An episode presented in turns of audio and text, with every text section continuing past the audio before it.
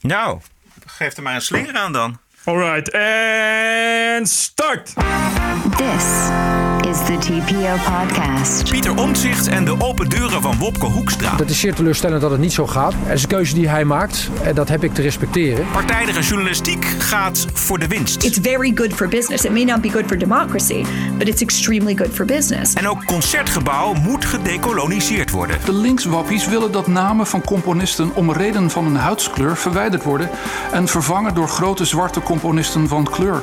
Dat zal wel betekenen dat de namen van cultuurdragers als Ali B of Aquasi daar worden aangebracht.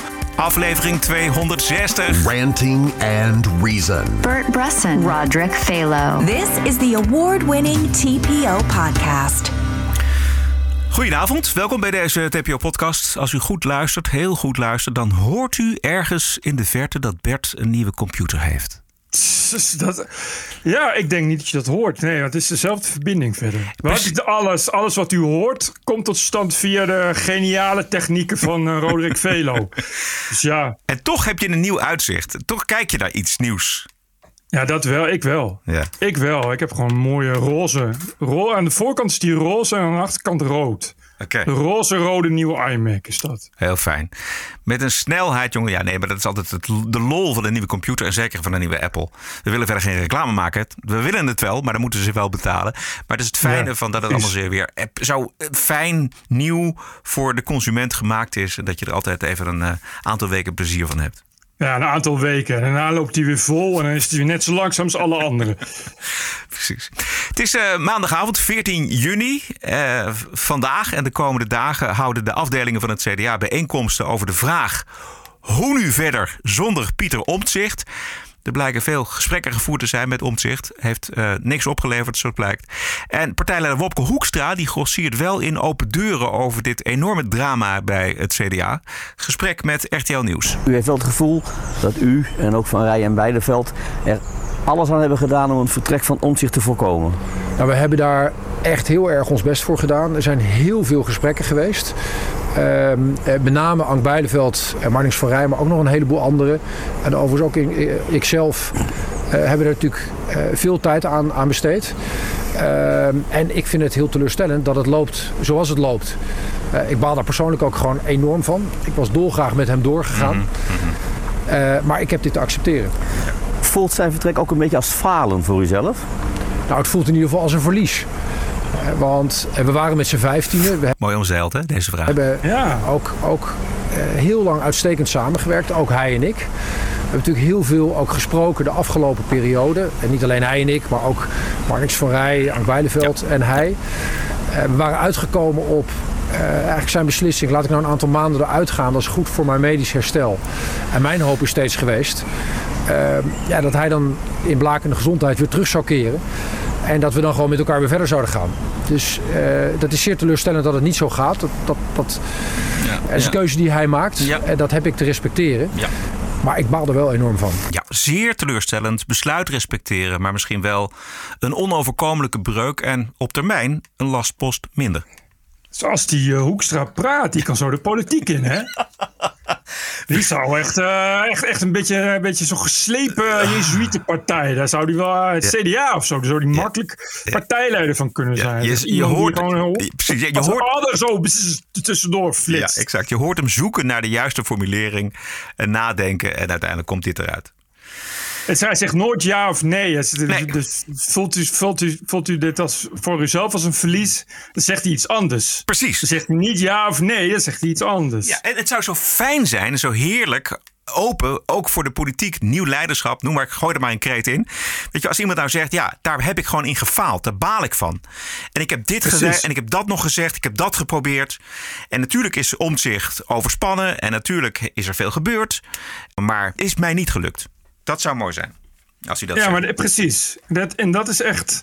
Heb je een nieuwe auto gekocht? Ik ben zelf echt een enorm fietsfan al mijn hele leven. Dus ik heb eh, gisteren ook weer 100 kilometer gefietst. Maar heb je een nieuwe auto gekocht?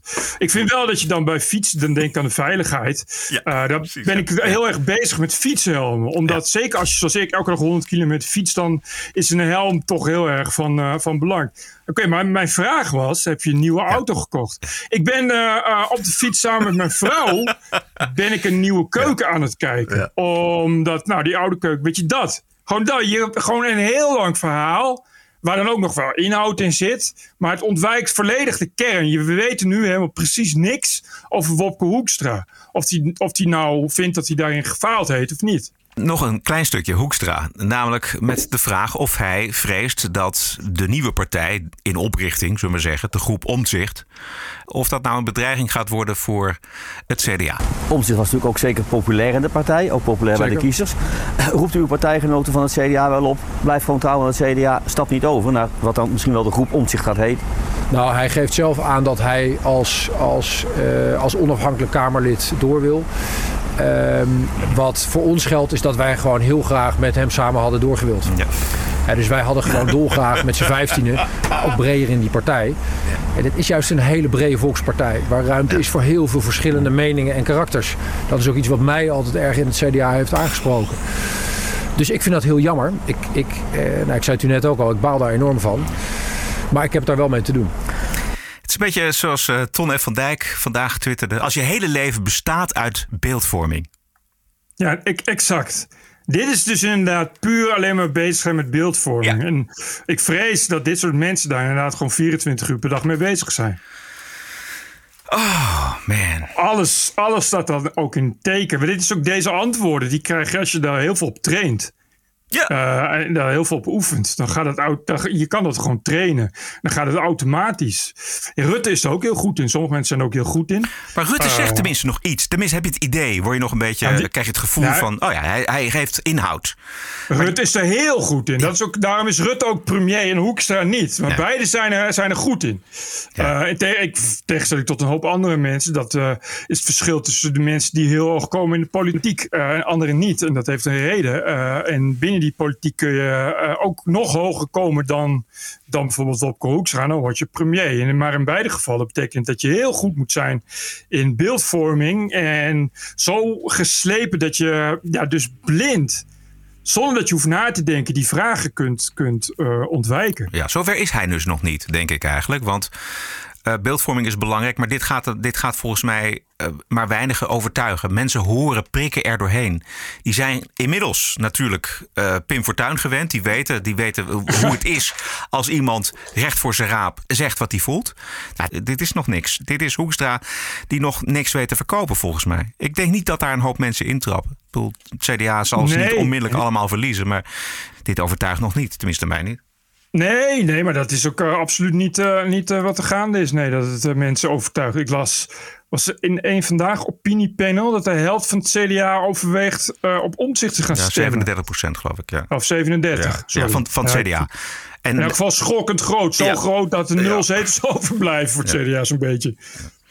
Dus, dus uh, ja, en, en, uh, en wat, ik, wat ik las, dat toch inderdaad uh, een gedeelte van de CDA-leden dringt aan op verkiezingen. Binnen nu een acht, of op, sorry, niet verkiezingen, uh, hoe heet dat? Conferentie, congres, ja. ledencongres binnen nu een acht weken. En er zijn verschillende fracties die eigenlijk inderdaad al bezig zijn ook met, uh, met uh, ofwel oproepen te stoppen met lijmen. formatie. Ja. Of inderdaad een hoop die willen lijmen. Maar er is, is eigenlijk geen één die zegt, oh goed verhaal van, van Hoekstra. Nee, nee. Dat is natuurlijk te groot om nog, om nog eruit te kunnen, kunnen lullen. Ik denk dat Hoekstra gokt op iets anders dit is natuurlijk, deze crisis is eigenlijk te groot voor hem om dat allemaal voor elkaar uh, te krijgen in een paar weken. Maar het lijkt er mij op dat hij gokt op de formatiegesprekken. Hij kan die gesprekken namelijk goed gebruiken om te zeggen dat er nog veel belangrijkere zaken spelen dan alleen een vertrokken Kamerlid. Luister. Ja, weet u, ik heb natuurlijk een uh, grote verantwoordelijkheid uh,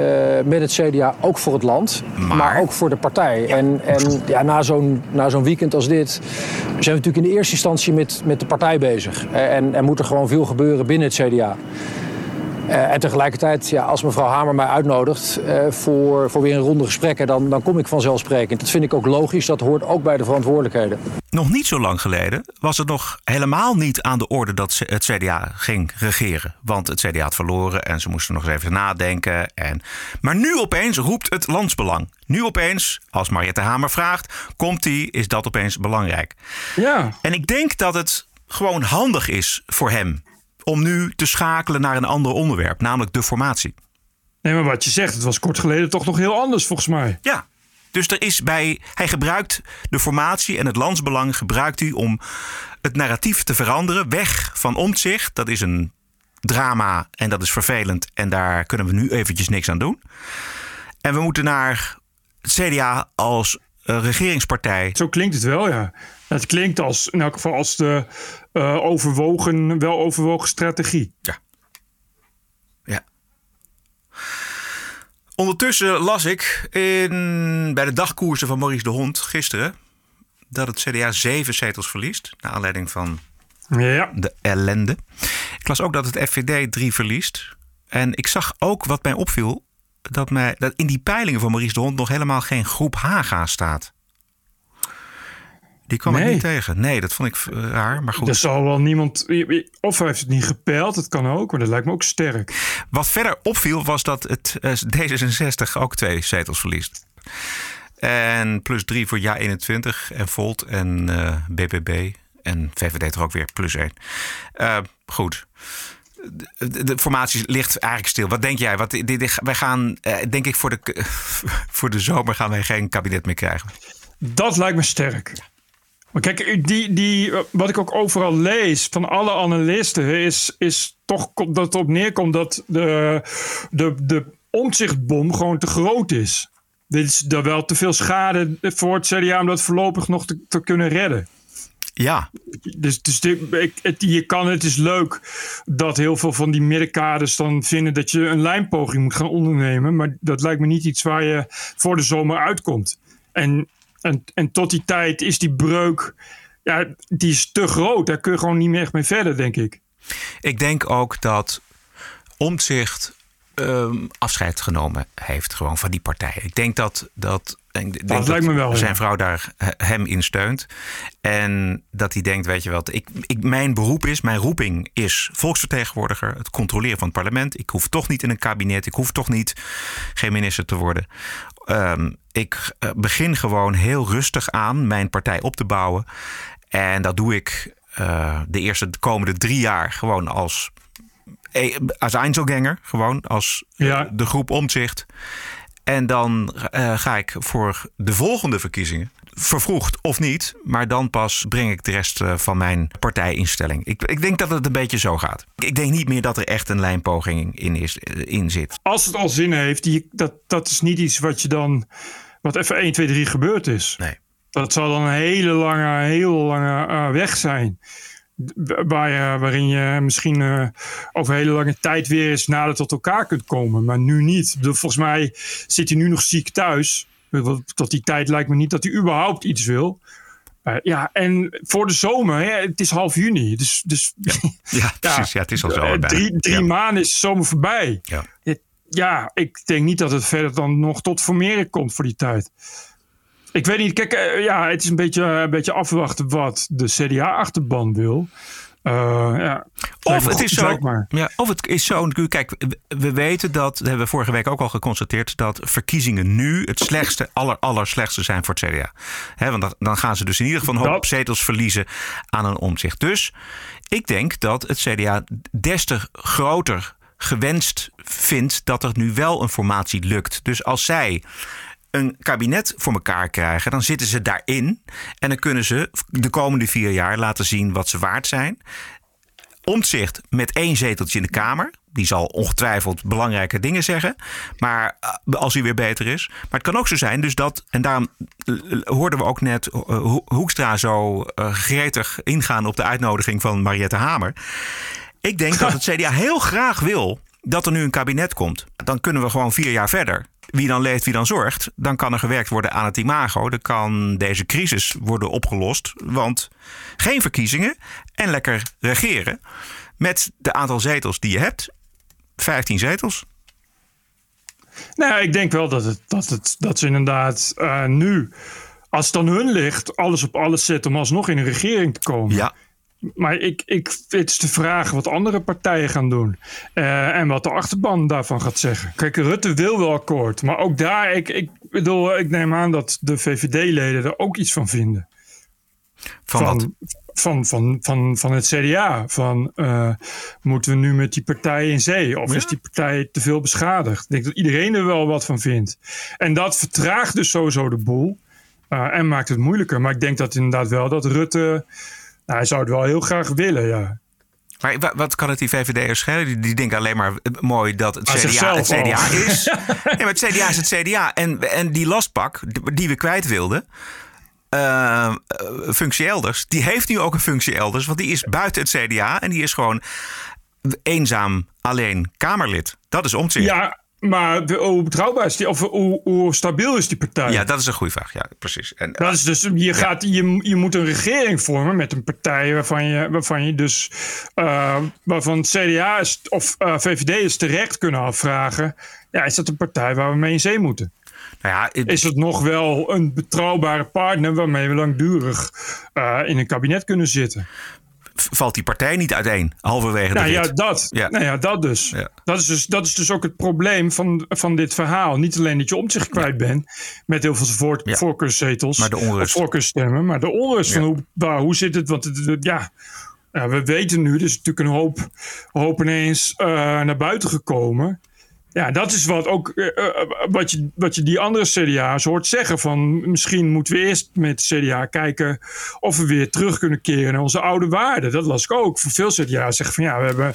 CDA voert ook een, een rare terechtse koers. We moeten weer terug naar de sociale christelijke, uh, christendemocratische waarden. En misschien moeten we dat dan eerst maar eens doen. Misschien moeten we eerst maar eens orde op zaken stellen. Want ja, hebben die, dat las ik, dat wist ik niet, maar dat las ik, uh, uh, dat zeggen, hebben die fractieassistenten van politici in Den Haag hebben die niet veel macht. Ze denken dat daar, hè, dat, dat die, die ruk naar rechts, uh, of, of, of, wat je wilt, het, het, populisme, zoals het nu wordt beleden, hebben die niet veel macht. Moet je niet, CDA is veel meer eigenlijk een ledenpartij, moet je niet veel meer uh, naar binnen kijken. Ja. Hè, waar, naar, naar, naar waar Balkenende vandaan komt. Ja, die komt uit Amstelveen.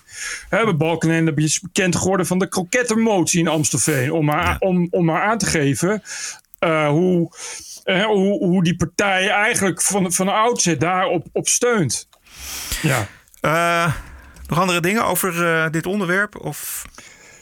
Nee, ik heb niks meer. Oké, okay, goed. Ik ben er wel, ik ben wel mee voor CDA klaar. Ja. TPO Podcast. Zo meteen de Wokweek en we kijken of waarderen en doneren gelijke tred houden. Maar eerst de media in Amerika en in Nederland, want het geldt voor alle media fascinerend gesprek tussen de Canadese schrijver, hoogleraar, psycholoog Jordan Peterson en de journaliste Barry Weiss. Weiss, eh, die kennen we van haar ontslag bij de New York Times. Zelf ontslag genomen omdat ze het conformisme, de beklemming, de vijandigheid jegens haar op de redactie bij de koffiemachine niet meer trok. Het hele gesprek duurt 2 uur en 20 minuten.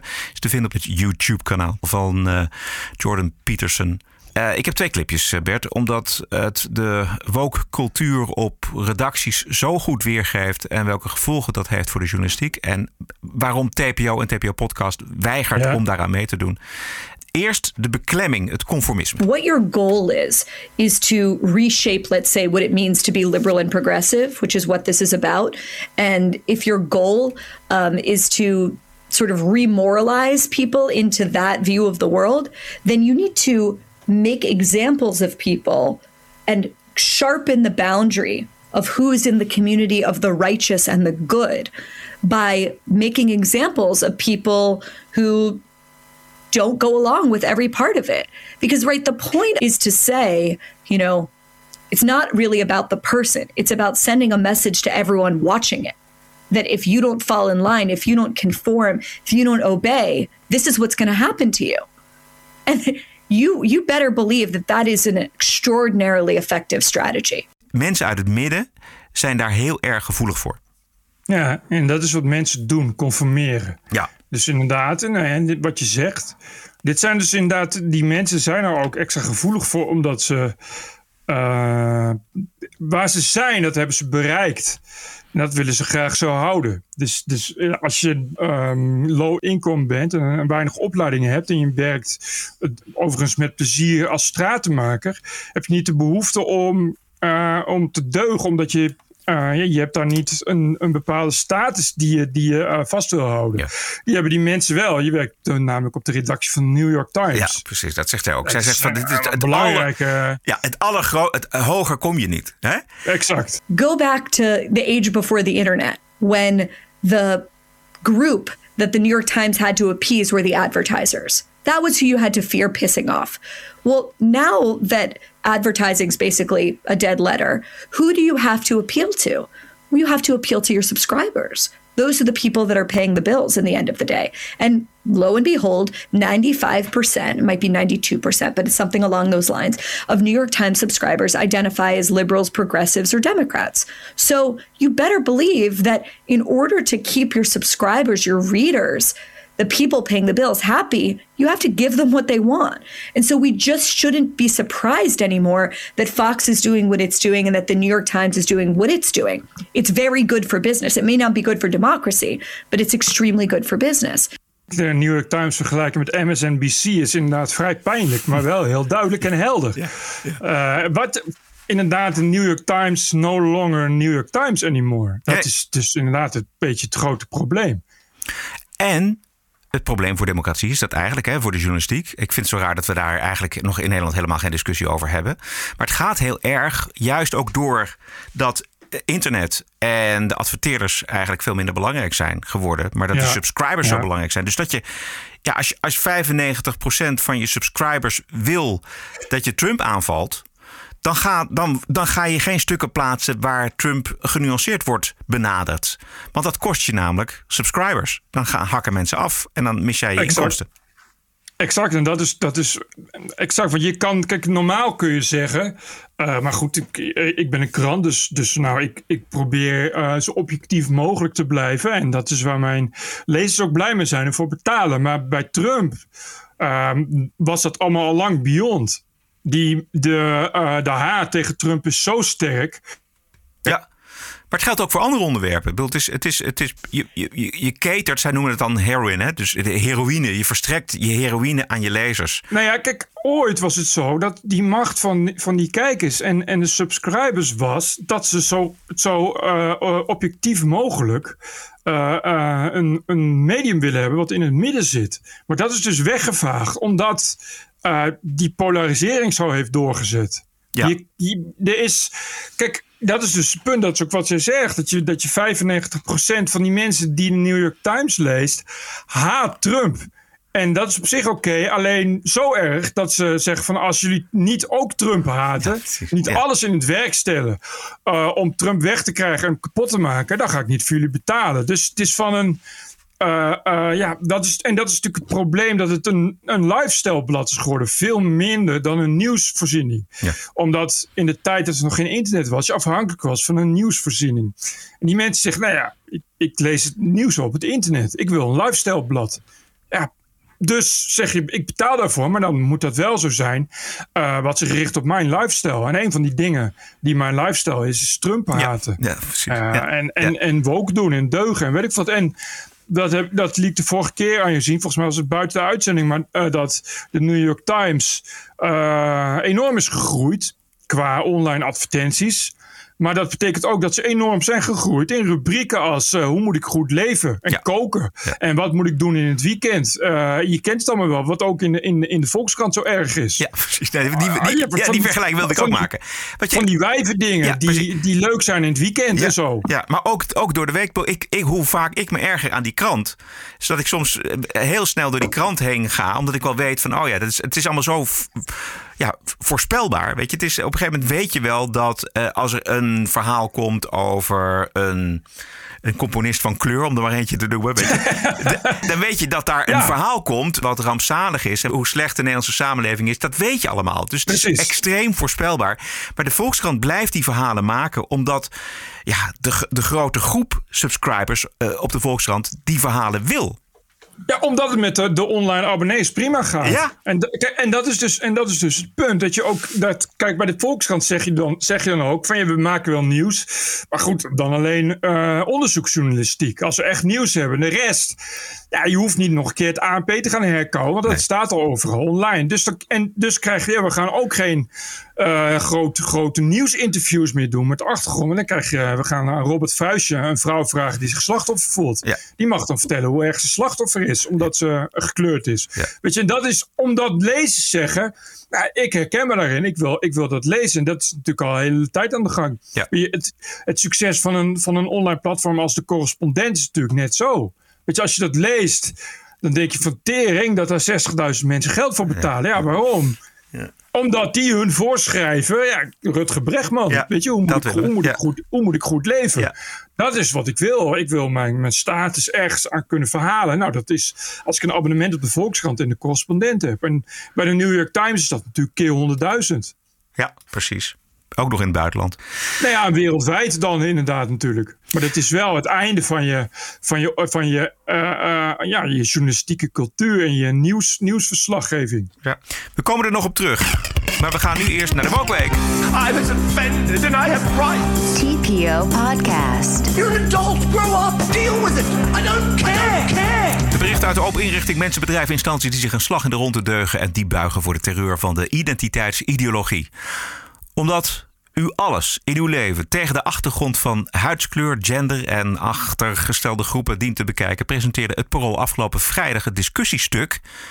In het concertgebouw in Amsterdam worden alleen witte mannelijke componisten geëerd. En dat moet veranderen, met een vraagteken. Dus het was een discussiestuk. Het stuk is geschreven door muzikus, recensent Erik Voermans. En is eigenlijk afgeleid van de NTR-podcast Gemiste Sterren over ditzelfde onderwerp. En het gaat over de cartouches, de naamschilden in de kleine en in de grote zaal van het Oh, eh, ja. concertgebouw. Daar hangen de namen van eh, Mahler en van Chopin en van Mozart, van Bach, alle grote componisten. Maar van eigenlijk alleen maar witte mannen. En nou was er behoorlijk wat eh, heftige reacties daarover op de Twitters, onder andere. Eh, even een kort stukje uit die NTR-podcast. De presentator loopt met violiste Julia Philippens door het concertgebouw. En luister even hoe zij zich naar de goede kant van de geschiedenis loopt. Dan zijn we hier in het concertgebouw waar in de grote zaal dus die, die cartouches hangen, die naamschilden. Jij hebt talloze malen hier in die, in die zaal gezeten en ook Ja. heel vaak gespeeld. Ja. Kijk je dan wel eens rond en laat je wel eens je ogen erop vallen dat je denkt, hier, hier wil ik iets aan veranderen? Toen ik heel jong was en ik ging naar het concertgebouw, toen speelde ik dus viool. Maar die wereld waarin ik dus viool speelde en klassieke muziek op mijn les naar kreeg van mijn leraren, luisterde ik thuis heel veel naar jazz. Ik heb die twee werelden nooit met elkaar gelinkt. Ik heb nooit gedacht, oh, die muziek waar ik eigenlijk het liefst naar luister, die kan ik ook op mijn viool spelen. Die is namelijk nooit op mijn les naar gezet. Die naam van bijvoorbeeld een Miles Davis of Duke Ellington heeft nooit gehangen in het concertgebouw, waardoor ik aan mijn moeder vraag wie was Ellington. Dat vind ik jammer. Nee, dat vind ik onzin. Duke Ellington, ja, dat is gewoon een jazz. Dat is een jazz. Het is zo grappig omdat zij zegt: ja, eigenlijk kun je alleen nog maar met mensen in contact komen als ze een naambordje hebben in het concertgebouw. Ja, maar ook, maar bovendien, eh, ja, dat concertgebouw, ja, dat, dat is natuurlijk echt iets voor, voor klassieke componisten, denk ik dan. En zelfs dan nog, ja, je kan moeilijk alle, alle, iedereen eh, een cartouche geven. Nee. Nee. Dus, dus als dat het argument is, dan, dan is, dat al zo, is dat al heel snel problematisch natuurlijk. Kijk, en ik, ik, ik- het klinkt meer alsof ze ook zoekt naar iets van schande. Dat, er, dat, dat ze alsof, alsof Duke Ellington eruit schouwen omdat hij zwart is. Volgens mij omdat het een jazzmuzikant is die niet relevant is voor, voor degene die ooit, ik weet niet hoe oud het eh, concertgebouw is. ah, maar 200, 300 jaar. ooit, ooit die cartouches heeft gemaakt. Ja. Ik ja, I don't know. Is geen, geen ding. Ja, kijk, het vervelende van de- deze hele discussie is natuurlijk dat het weer over dat, dat de beoordeling gaat over de huidskleur. Dat het niet gaat over het criterium voor zo'n naamschild, namelijk is de muziek van het allerhoogste niveau. Is, hè, kunnen, kunnen die mensen zich meten met Chopin? Het ze- eh, valt het in de klassieke muziek qua niveau als Mahler, et cetera? Maar het moet gaan over waarom zijn er eigenlijk geen componisten van een kleur? Ja, die racistische benadering die is vandaag eh, een enkeling in de Tweede Kamer niet ontgaan. De linkswappies willen dat namen van componisten om reden van een huidskleur verwijderd worden en vervangen door grote zwarte componisten van kleur. Dat zal wel betekenen dat de namen van cultuurdragers als Ali B. of Aquasi daar worden aangebracht. Of misschien van PvdA-cultuurpaus John Leerdam namen weghalen uit het concertgebouw. Dat gebeurde eerder tijdens de Tweede Wereldoorlog. Toen we ook leden onder rassewaan. De namen van Mahler, Rubinstein en Mendelssohn werden toen aan het oog onttrokken, want toen waren zij van het verkeerde ras. Ik vind dat uh, Bosma hier wel een punt heeft. Ja, toch? Ja. Het is, uh, uiteindelijk komt het daar wel een beetje op neer, op het vervangen van blanken. Ja. Nog even terug naar het stuk in het parool. Die Erik Voermans die komt op het eind wel met een aardige suggestie, moet ik zeggen. Hij zegt namelijk: waarom niet gewoon alle naamschilden eraf en een nieuwe selectie maken op basis van welke grootheden, welke componisten daar allemaal hebben opgetreden? En dan kom je toch echt wel op een heel eh, ja, grappig geschakeerde samenstelling van mensen. Bijvoorbeeld, dan kom je toch ook op Miles Davis. Dan kom je ook op Frank Zappa. Dan kom je ook op de Doors, die hebben daar ook opgetreden. Led Zeppelin, André Hazes, Willeke Alberti. Dus je kunt ook, ja, je kunt ook op die manier Nou ja, de naamschilder maar- maken. Hè? Is, is het probleem niet vooral dat er gewoon, eh, ja, de grote componisten waren gewoon blanke mannen? Ja, nee, tuurlijk. Dus, Dat dus, is dus, dus, de- ik bedoel, want eh, dat is volgens mij eh, het probleem wat hier aan ten grondslag ligt. Dat, dat de woke-brigade vindt dat componisten zwart moeten zijn, liefst zwarte vrouwen. Maar ja, die, die waren er gewoon niet. Had jij nog wat gezien? Ja, ik heb een mooie van een van onze vaste anonieme bronnen. Weer een mooie interne mail van het Oké. eh, eh, ministerie van Rijkswaterstaat. Het is een algemene mededeling aan alle medewerkers. Een uitnodiging van de RBS Brede Bijeenkomsten, Diversiteit en Inclusie. En eh, beste collega's, als Rijkswaterstaat-ambassadeur diversiteit en inclusie nodig ik jou, nee, mede namens Marloeke dat zal een van de hoofd van bij Rijkswaterstaat zijn, van harte uit voor één of meerdere Rijkswaterstaat brede bijeenkomsten. Luister mee, raak geïnspireerd, denk mee en ervaar waar jij stappen kunt zetten om naar een inclusievere organisatiecultuur te komen. Elke stem en bijdrage telt, ook als dat een ander geluid is. Graag zelfs. In het bestuur van RBS is recent de ambitie DNI vastgesteld tot 2024. Met daarin doelstellingen op het gebied van jong, niet-westers, banenafspraak en inclusie. Op corporate niveau zullen we de uitkomsten meenemen in verdere ondersteuning richting alle diensten om RBS meer divers en inclusief te maken. Eh, nou, en dan krijg je weer eh, de kick-off bijeenkomsten diversiteit in, in, inclusie. Kick-off bestemming jong met Thijs Launsbach. eh kick-off bestemming inclusie. Kick-off bestemming bicultureel. Ja. Kick-off bestemming banenafspraak. Is het verplicht? Eh, eh, nee, nee, dit is allemaal een uitnodiging voor, voor bijeenkomsten waar je gewoon heen kan gaan. Maar het is wel dat we streven met RWS naar inclusieve organisatiecultuur en hoe we werken en omgaan met elkaar. Want het is onze visie dat het realiseren van die inclusieve cultuur een voorwaarde is voor duurzame diversiteit. Woon daarom één of meerdere bijeenkomsten bij. Wij vinden het heel belangrijk dat iedereen zichzelf kan zijn en zich kan uiten. Inclusie is van ons allemaal. Meld je daarom aan. Ik ben benieuwd hoeveel mensen er zich aanmelden. Procentueel bij dat- daar ben ik. Misschien kan eh, de tipgever dat ook even een keer mailen. Het Ja. zou leuk zijn dat we ook weten hoe, hoe het daarmee staat. Hoeveel mensen daarheen gaan. Ja. Of, of hoe druk bezocht het dan wordt. En als, al is het maar een klein gedeelte, weet je, al is het als hij erheen gegaan is of zij, dat vinden we ook interessant om te horen. Eh, het liefst met opnames natuurlijk, maar misschien dat er ook dat hij of zij weet eh, hoeveel collega's waar hij of zij mee omgaat, eh, hebben ja hebben gezegd tegen die uitnodiging. Dus hoeveel mensen er in zijn om directe omgeving afreizen naar dit soort cursussen. Ja. Reuze benieuwd. Ik zit even kijken, want ik kreeg ook, eh, ook. Dat was ook een tip, volgens mij. Er was ook een podcast van Jordan Peterson. Die had iemand te gast, volgens mij. Die was, was gevlucht uit Noord-Korea. Die dus vertelde hoeveel eh, overeenkomsten zag met de Uh, en, ik, en, er was, is ook iemand die tipt een, uh, een oud filmpje van, uh, van uit de Koude Oorlog. Van iemand die is overgelopen van de, van de KGB. Die voorspelt dat ook, die woke-beweging. Die zegt van ja, dit is hoe het in Rusland gaat. Dit is wat je in de toekomst ook in, in, in Europa kunt verwachten.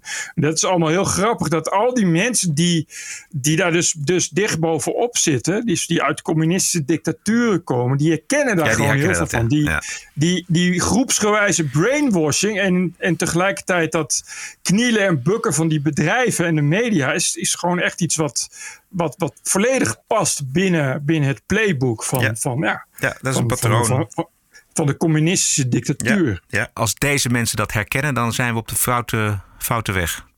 Ja, je zou het wel denken in elk geval. Ja.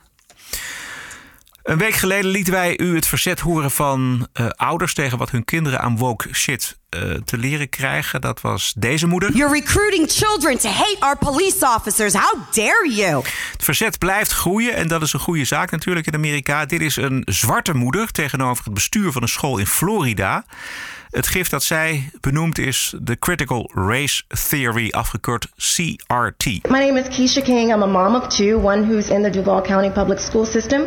CRT is not racial sensitivity or simply teaching unfavorable American history. CRT is deeper and more dangerous than that.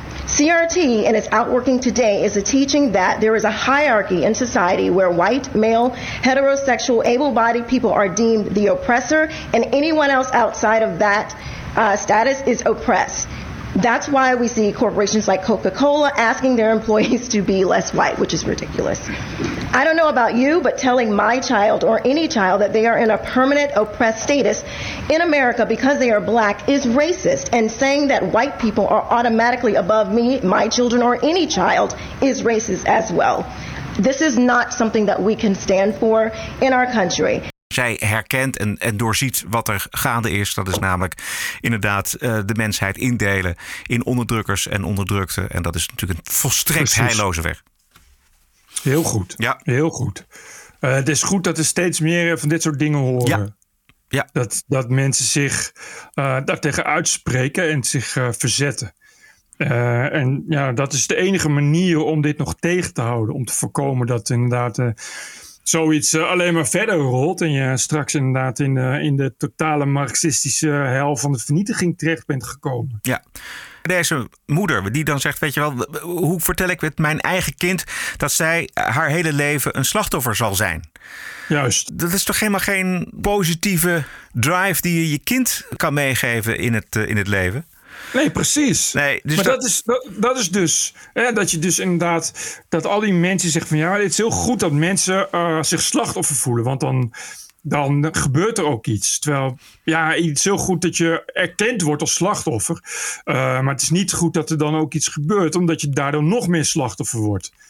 Wat, wat natuurlijk ook altijd wel het probleem is geweest met uh, ja, de sociaaldemocratie ten ja. opzichte van de multiculturele samenleving. Ja, of, of, de, of de integratie, om maar eens wat te noemen. Ja.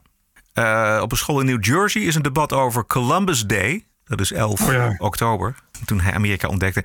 Dat, die, die, dat debat is zo hoog opgelopen dat de school maar alle feestdagen van de kalender heeft gehaald.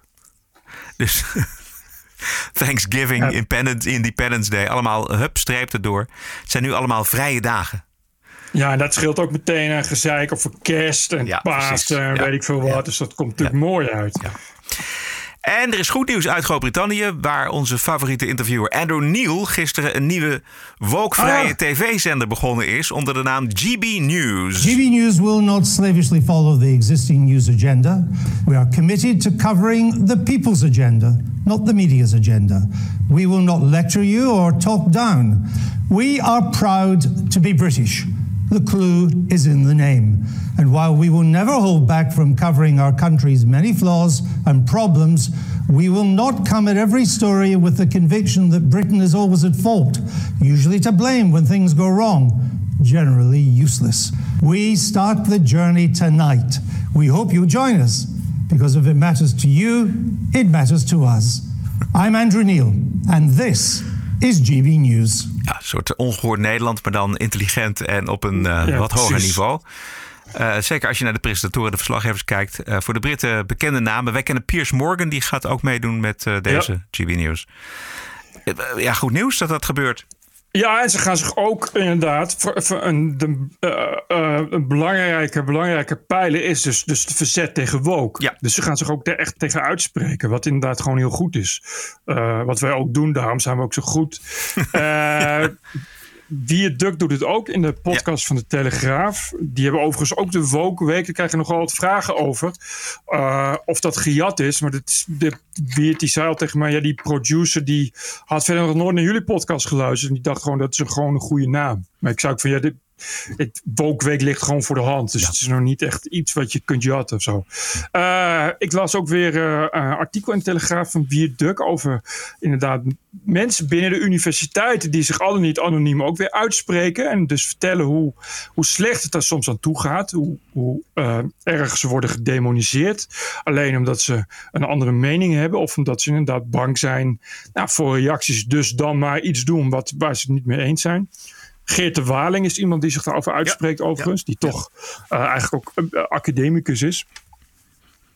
Ja, nee, het verzet groeit. En dat is uh, goed. Ik heb begrepen dat de Woke-brigade zelf in Engeland al heel veel actie heeft gevoerd uh, tegen adverteerders uh, om hen te weerhouden ja. om te adverteren bij GB News. ik Stop weet niet of dat... spreading hate noemen ja, ze dat dan. Ja, ja, ja, ja.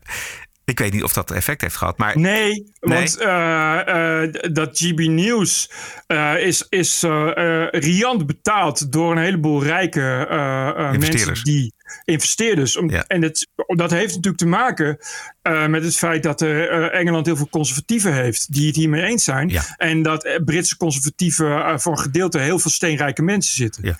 Ja, precies. Dus, ja, dus, ja. dus die, die, ja, de, de tekort aan, uh, aan adverteerders uh, is voorlopig niet zo'n probleem. Dus ze kunnen niet zoveel, de Woke-brigade. Wat natuurlijk heel erg grappig is. Heel goed. Een bericht in uh, The Guardian was dat appeltaart is een product van gestolen land, gestolen rijkdom, gestolen arbeid. En een Brits-Indiaanse schrijver over voedsel zegt: appeltaart? It's racism. ja. Het zat al uh, een stuk uh, al op 1 mei in The Guardian, een groot artikel over uh, food injustice. Vind ik zo'n mooi woord, food injustice, vo voedselonrecht. Food injustice. Ja, geweldig hè. Waar het op neerkomt is dat alles wat je stopt in een appeltaart, appels, deeg, suiker, kaneel, zelfs de brandstof voor de oven, alles komt uit het buitenland. Alles komt van buiten Groot-Brittannië. En is verkregen met kapitalisme en uitbuiting en slavernij. Als je maar ver genoeg teruggaat. En het recept hè, van de apple pie komt natuurlijk uit de Verenigde Staten. Maar dat maakt het allemaal nog veel erger. Ik wou net zeggen, dat is natuurlijk... Uh, ja, de Verenigde Staten is, is de basis van slavernij en onrecht. Dus, uh, nou ja, goed. Heel goed. Dus, ik, dus als je appeltaart eet, is het toch wel belangrijk dat je daarbij stilstaat. Ja, ja. Dat je, dat je uh, zeg maar... Uh, dat je bedenkt van ja, dit is allemaal, uh, alle, alle ingrediënten zijn geroofd uit de koloniën. Dus eigenlijk is appeltaart te eten best wel racistisch. Ja, zeker. Dat, dat gevoel. Ja. Mm, Oké. Okay. Zeer, zeer Ik denk dat Andrew, Andrew O'Neill nu wel een stukje appeltaart lust. Een grote schietpartij zaterdag in Austin. 13 gewonden, waarvan twee in kritieke toestand. De lokale krant weigerde het signalement van de schutter te geven. Oh ja. want, want stereotyperend. Volgens het politiebericht ging het om een zwarte man met dreadlocks. En volgens de krant, de Austin American Statesman, zou het publiceren van het uiterlijk van de verdachte schadelijk kunnen zijn voor het, het tegengaan van stereotyperingen. Dat, is, dat was heel grappig, omdat in dat stuk stond ze inderdaad gewoon een, een sec nieuwsbericht. Ja. Uh, uh, maar dus, dus zonder, zonder signalement. En daaronder zo'n heel, ja, bijna uh, een soort, soort moraliserend, passief agressief stuk waar dan in stond van ja, we hebben ervoor gekozen om het signalement niet te benoemen, omdat we vinden op, dat op dit moment daar nog te weinig over bekend is en het dus te weinig bijdraagt. Uh, en bovendien vinden we dat uh, het noemen van dat soort signalementen inderdaad stigmatiserend of stereotyperend kan werken. Je, en dat je dat al onder je nieuwsartikel zet. Ja. Dat is ja. toch totaal bizar? Ja, dan ben je ook alleen maar bezig met beeldvorming. Maar dat heb ik ook al eens een keer opgeschreven. Dit is verschrikkelijk. Ja, maar dat is echt... De meest verschrikkelijke journalistiek denkbaar is dat. Journalisten die zich bezighouden met... komt het wel goed over? Die dus ook weer voor andere mensen gaan bepalen... of iets wel of niet geschikt is. Dat is afschuwelijk. Ja, maar dan, maar dan kun je volgens mij beter gewoon geen nieuws maken. Nee. Anders krijg je dit soort draken. Dan moet je nieuws maken waaruit, waaruit duidelijk wordt dat je dingen hebt weggelaten. Waarop je moet gaan uitleggen waarom je dingen weglaat. Dat is niet, ja, daar kun je dus geen nieuws meer maken. Ja. Dus dat, dat stopt dan, met, stopt dan met nieuws maken, denk ik dan. Ik vind echt, dat snap ik gewoon niet. Dat je een krant bent en dan dit soort dingen invoert. Denk ik, ja, dan, maar dan moet je niet bij een krant gaan werken. Nou ja, tenzij je vindt dat, dat een krant een functie heeft als dominee, als, als uh, moraalridder. Dan wel. Ja, oké, dat kan, maar dan moet je geen nieuws doen. Maar, dan, maar dan moet je niet dus een nieuwsbericht publiceren waarin staat dat het zojuist ja, een, schietpartij is. Nee. nee. Dat, dat is hetzelfde trouwens ja. Als, als dit weekend uh, die Deen die omviel. Die, die, die een hartaanval kreeg. Die kreeg hetzelfde gezeik. Namelijk? Nou ja, dat, die, dat is dus een voetballer op topniveau. Die speelt voor het, wat was het, Deense elftal ja. Fins? Anyway, ja, de, de, een, een, de, Deense elftal. Daar kijken weet ik veel hoeveel miljoenen mensen naar. Uh, nou, die valt neer. Ja, omdat die, dat hoort erbij. Dus wordt het geregistreerd. Vervolgens krijg je dat mensen, dat die camera's dat registreren en dat het wordt uitgezonden. En dan wordt dan over geklaagd, want dat mag niet. Dat is kwetsend. Terwijl ik denk, ja, dit is onderdeel van, je hele, van het hele verhaal van waar voetbal op topniveau over gaat. Dit is een, dit is een EK. Ja. dit, is, dit, is, dit is gewoon een belangrijk nieuwsbeeld. Je, je kan, ik vind het echt absurd om dat te zeggen. Oh, maar dat ga ik dan niet uitzenden. Nee, nou, Want het is kwetsend. Nee, Waar slaat het nou op? De gedachte erachter is. De, ga, de, de, gedachte erachter is dat dit was niet zomaar een, een val. Dit, dit, was een man die uh, iets van een hartaanval kreeg. En zijn tong uh, bijna inslikte. En aan het doodgaan was, zullen we zeggen. En, ja. en dan is dat de afweging geweest. Uh, om dat dan niet uit te zenden. NOS heeft het ook niet uitgezonden. Ja, ik vind dat ik. Kijk, weet je, uh, de BBC die heeft nu excuses aangeboden. omdat ze die dingen hebben uitgezonden. Want bij de BBC zag je dus dat die val. en daarna zag je de beelden van dat. dat nou, die, die, die, die, die, die ambulance-medewerkers ja. staan eromheen. En, ja. Weet je, maar niet van dichtbij. Weet je, dus het was ook niet heel raar close-up voyeuristisch nee. of zo. Maar ja, en dat is toch oké? Okay, ja, dat is oké. Okay. Tuurlijk is dat Er okay. gebeurt iets op het veld. Heel belangrijk. Ja, en dat is onderdeel van. Ik kan me ook niet voorstellen dat je als topvoetballer denkt: Oh, nou, als ik een hartaanval wil ik niet gefilmd worden. Ja, dan moet je niet, niet, niet op een EK gaan voetballen. Ja. Weet je, dat is toch, toch, toch bizar om daar dan excuses voor aan te gaan bieden. En al die mensen die dan vinden: Oh, dat is schandalig dat je het filmt. Dat is kwetsend voor de familieleden. Nee, ja, nee, ja, dat is nieuws altijd. Maar dan, kun je geen, dan moet je geen nieuws uitzenden. Nee, nee. Nou, kijk, en als je inderdaad met een camera bovenop staat en dat allemaal uh, close-up in beeld bent, dat is, een, dat is een ander verhaal. Maar dit was gewoon inderdaad registreren een belangrijk moment voor heel veel mensen. Want als je kijkt, afgelopen dagen heeft het uh, behoorlijk het nieuws gehaald. Dus het is een belangrijk moment. Natuurlijk moet je dat weergeven. Maar ik, het, er is een soort sentimentaliteit in die media geslopen. Vreselijk. Zeker ook als het gaat over, over voetbal. Een, een blad als Voetbal International. Ja, ik lees het nooit, want ik hou niet van voetbal. Maar ik weet dat het over voetbal gaat. Dat zit een beetje in de titel, zal ik maar zeggen. Ja. Die hadden dan voor deze keer wegens de omstandigheden gratis de column van Nico Dijkshoorn. die opschrijft wat er door hem heen ging. Ja. Toen hij die spelers Ja, zag vallen. dat- dat- nou, ja, ja, ja, ja, en, en ook die NOS die dat niet uitzendt. Als de NOS dat ook gaat doen bij het NOS Journaal... dan houdt het snel op met het maken van nieuws. Want bij elk nieuwsitem is wel iemand die iets kwetsends ziet. Ik wil niet heel lullig doen, maar op het moment dat je beelden gaat maken van... laten we zeggen, een land in oorlog... en je ziet hoe mensen worden neergeschoten... ja, er zijn ook nabestaanden van die dat kunnen zien. Ja. Dus moet je daar dan ook niet aan gaan denken, NOS. Nee, maar daar, daar, wordt, daar wordt ook eh, heel streng op toegezien, eh, eh, weet ik toevallig. Wat? Waarop? Nou ja, dat je niet eh, stervende mensen in beeld brengt. Dat is, dat Nee, is, ja, maar goed, je kan dat niet voorkomen, omdat dat is nou eenmaal. Je kan, je kan moeilijk eh, eh, 9-11 kun je moeilijk in beeld brengen zonder dat je stervende Ja, mensen naar ja. beneden ziet vallen. Ja, Hè? Dus, dus, weet je, en dat vind ik dus het rare van de BBC, dat als je excuses gaat maken, dat je.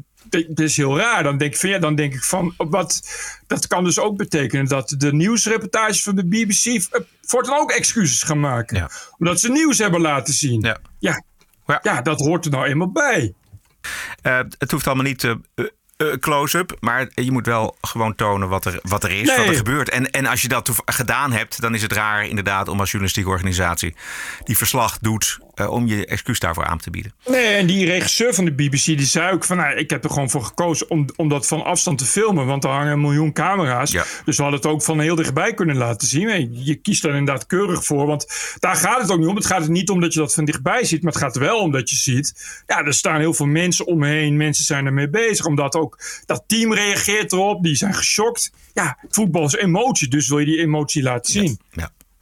Hoor je dat? Dat ik zei, voetbal is emotie. ik vind dat zo mooi dat ik dat eindelijk een keer heb kunnen zeggen in een normale context. Hè? Hebben we het toch nog over het EK? Hmm.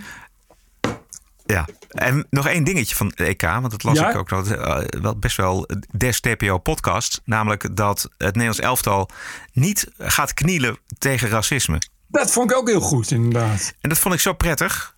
Ja, dat vond ik wel echt mooi. Ja. Dat vonden ze zelf, denk ik, ook pedante. Precies, maar ik denk ook wel, dat pedant. heeft ook, Ja. ook te maken met het feit dat het natuurlijk wel een beetje passé is. Ik denk dat als je het Ja. een jaar geleden had gevraagd, dat, nou laten we in elk geval zeggen, de zwarte spelers er iets anders over hadden gedacht. Maar om het nu nog te doen, is het ook een beetje potsierlijk Ja, die, die, die, die, die Engelsen die doen dat gewoon, hè? Ja, ja, maar goed, die zijn dus potsierlijk. Ja, ontzettend potsierlijk. Enorm die zijn ook veel woker. En dat is natuurlijk, het is natuurlijk net niet des Nederlanders zijn natuurlijk net weer te, te nuchter voor. Om, om daar, omdat als je dat dan als Nederlands elftal ineens gaat doen. Ik weet, want ik weet niet of, of, of Ajax en Feyenoord het überhaupt gedaan Nee. hebben. Nee. En dan is het gewoon heel raar om dat dan ineens te gaan doen ook. Precies. Dus dat vond ik wel echt goed van ze, ja. Hartstikke goed. What a woke week it was. This is the TPO podcast. Yes, this is de TPO podcast. Geen commerciële invloed, geen subsidie, wel donaties. Want wij moeten ook onze huur betalen en onze hypotheek. Ranting and Reasoning. Elke maandagavond eh, kijken wij hoe het staat met eh, het waarderen en doneren. En Bert heeft, eh, die houdt de administratie goed bij. Dus die weet precies wat er binnenkomt. Ik heb er vier. Kan zijn dat, de, ik, dat deze vorige week al is voorgelezen, maar het lijkt er niet op. Want ik, dus, eh, maar goed, mocht, mocht je denken van, "Huh, die heb ik al gehoord, dan ligt dat aan mij. Eh Arjen, Arjen van der Post. Goedemorgen Bert en Roderick. Ik heb naast mijn TPO Plus abo mijn halfjaarlijkse 52 euro weer overgemaakt voor al het goede werk wat jullie doen.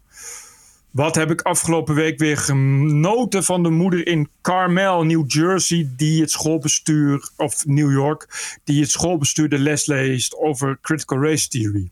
Ik heb zelf bewust geen kinderen, maar hoop toch voor iedereen met kinderen dat het bij ons in Nederland er nog niet zo aan toe gaat. Zelf ben ik werkzaam bij een van de grotere consultingorganisaties. En wij hebben ook een tijdelijk gekleurd Pride-logo. En ook wij worden regelmatig bestookt met mandatory trainingen en enquêtes over diversiteit en inclusie. Zover mogelijk probeer ik in de beantwoording mij enigszins te verzetten tegen het opgelegde woke-denken. For what it's worth. Er zijn bij ons zelfs wereldwijd diversiteit en inclusiviteit managers aangesteld. Want het mag allemaal wat kosten. Ga zo door met vriendelijke groet. Arjen van der Post. Geweldig Arjen. Pieter Veld. Die, die heeft 20 euro overgemaakt.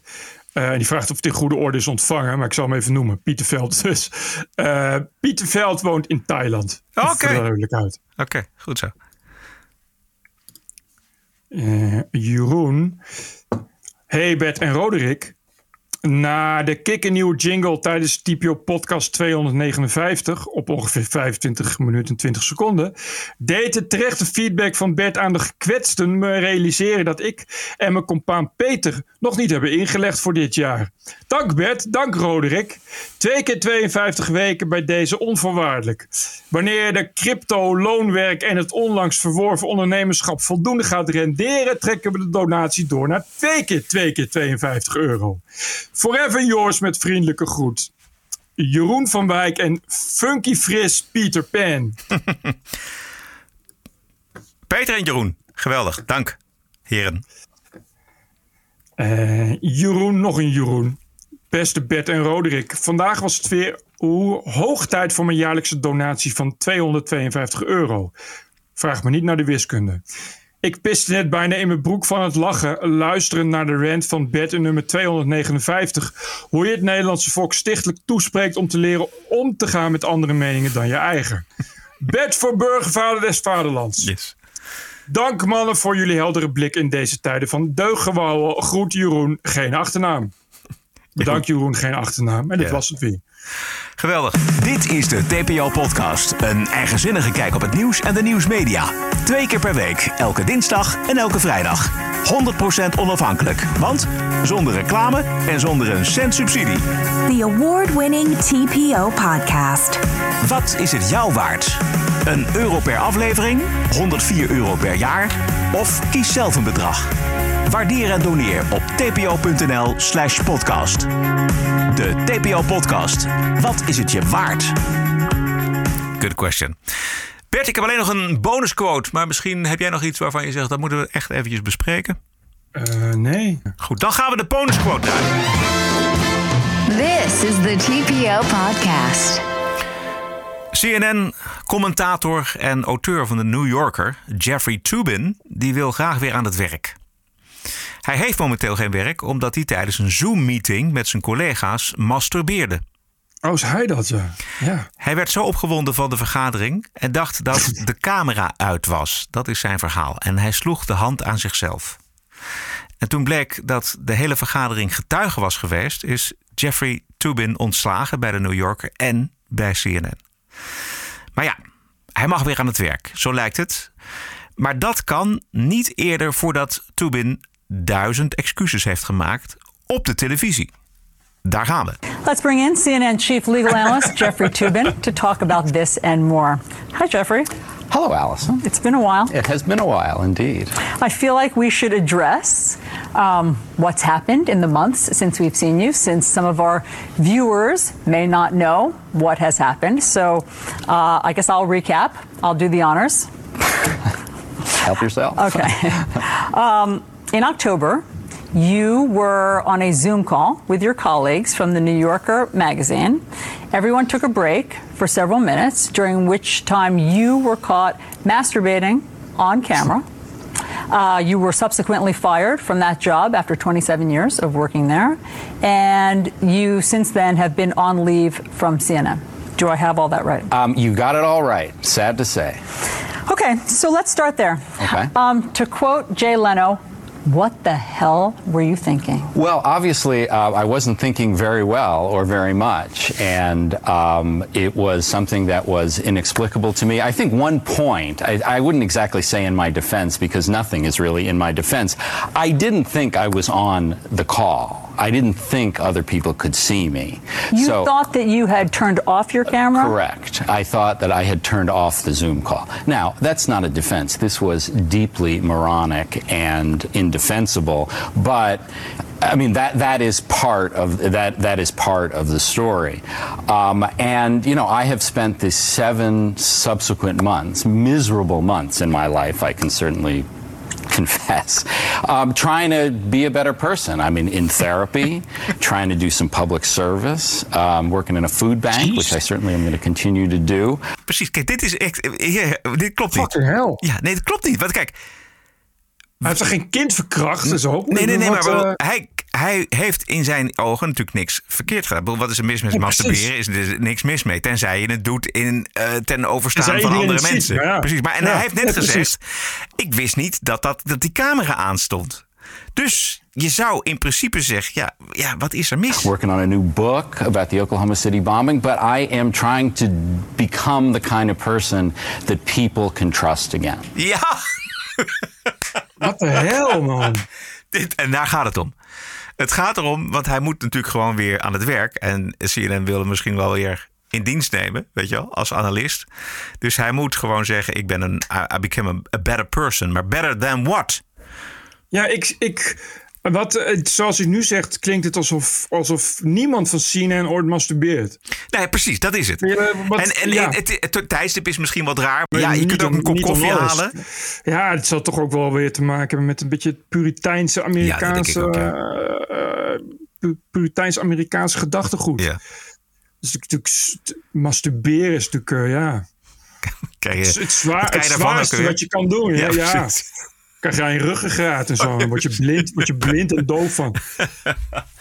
Ja. Maar ja, ik, ik, ik zou ook inderdaad, terwijl ik het hoorde, dacht van nou, het is heel netjes dat je excuses maakt voor het feit eh, dat, je, dat je was vergeten dat de camera uitstond. Maar dat was het. Wanneer echt community work en zo, dat je hebt gemasturbeerd. Oké, dat wordt, ja, dan moeten heel veel mensen, heel veel mensen heel veel community work gaan doen. Heel vaak, Of denk ik. Er is toch iets meer aan de hand. Namelijk dat hij, hij zegt natuurlijk, kijk, zijn excuses. Ik wist, dacht dat de camera uitstond. Maar misschien heel diep van binnen wist hij, de camera is helemaal niet uit. En ja, je hebt de meest rare figuren. eh, die gaan dat gewoon doen. Ten Ja. overstaan van, van, van de collega's. Ik weet niet welke collega's dat allemaal waren. Maar misschien waren het allemaal vrouwen. Maar de- misschien dat hij daar een kick van kreeg of zo. Iets dergelijks. Maar, eh, en dan is het natuurlijk wel goed dat hij in therapie gegaan is, denk ik. Maar ja, Ja, maar het, klinkt echt heel eng, hè? Ja. In therapie van masturberen. ja precies. Ja. Het klinkt echt enorm eh, 1753 Ja, of zo. ja, je? Dat je met je handjes boven de dekens moet slapen. Ja, ja. In principe is er dus niks aan de hand. Als hij werkelijk overtuigd is dat die camera uitstond, dan is het, ja, dan is het eh, nog een raar moment. Maar goed, dan is het niet zo aan de hand. Maar eh, dat, eh, ja, toch allemaal boetedoening en in therapie. En een boek schrijven over allemaal ernstige zaken. Nou ja, goed, anyways. Dit was het. Oh, een goede bonusquote Ja. trouwens. TPO Podcast is te vinden op onder meer Spotify, Apple Podcast en natuurlijk op tpo.nl en tpopodcast.nl. Natuurlijk zeer veel dank voor de ondersteuning van aflevering 260. Post kan naar info.tpo.nl. Waarderen en doneren kan op tpopodcast.nl. We zijn terug aanstaande vrijdag, dan is het 18 juni. Stay cool en... Tot vrijdag. Zo, camera uit. TPO Podcast. Bert Bruson, Roderick Balo, Ranting and Reason. Astrid Roemer kreeg de hoogste literaire prijs van ons land. De PC Hoofdprijs onder andere voor, ik citeer uit het juryrapport, haar politieke engagement. Een literaire prijs dus, omdat je een linkse actievoerder bent. Vraag aan de minister als literaire prijzen ertoe dienen om actievoerders te belonen. Waarom krijgt SP-icoon Anja Meulenbelt hem dan niet gewoon elk jaar? Podcasting is the TPO podcast in the Netherlands. Bert and Roderick. What a show. I'm telling you. Keep the show running. Go to tpo.nl slash podcast. Thank you.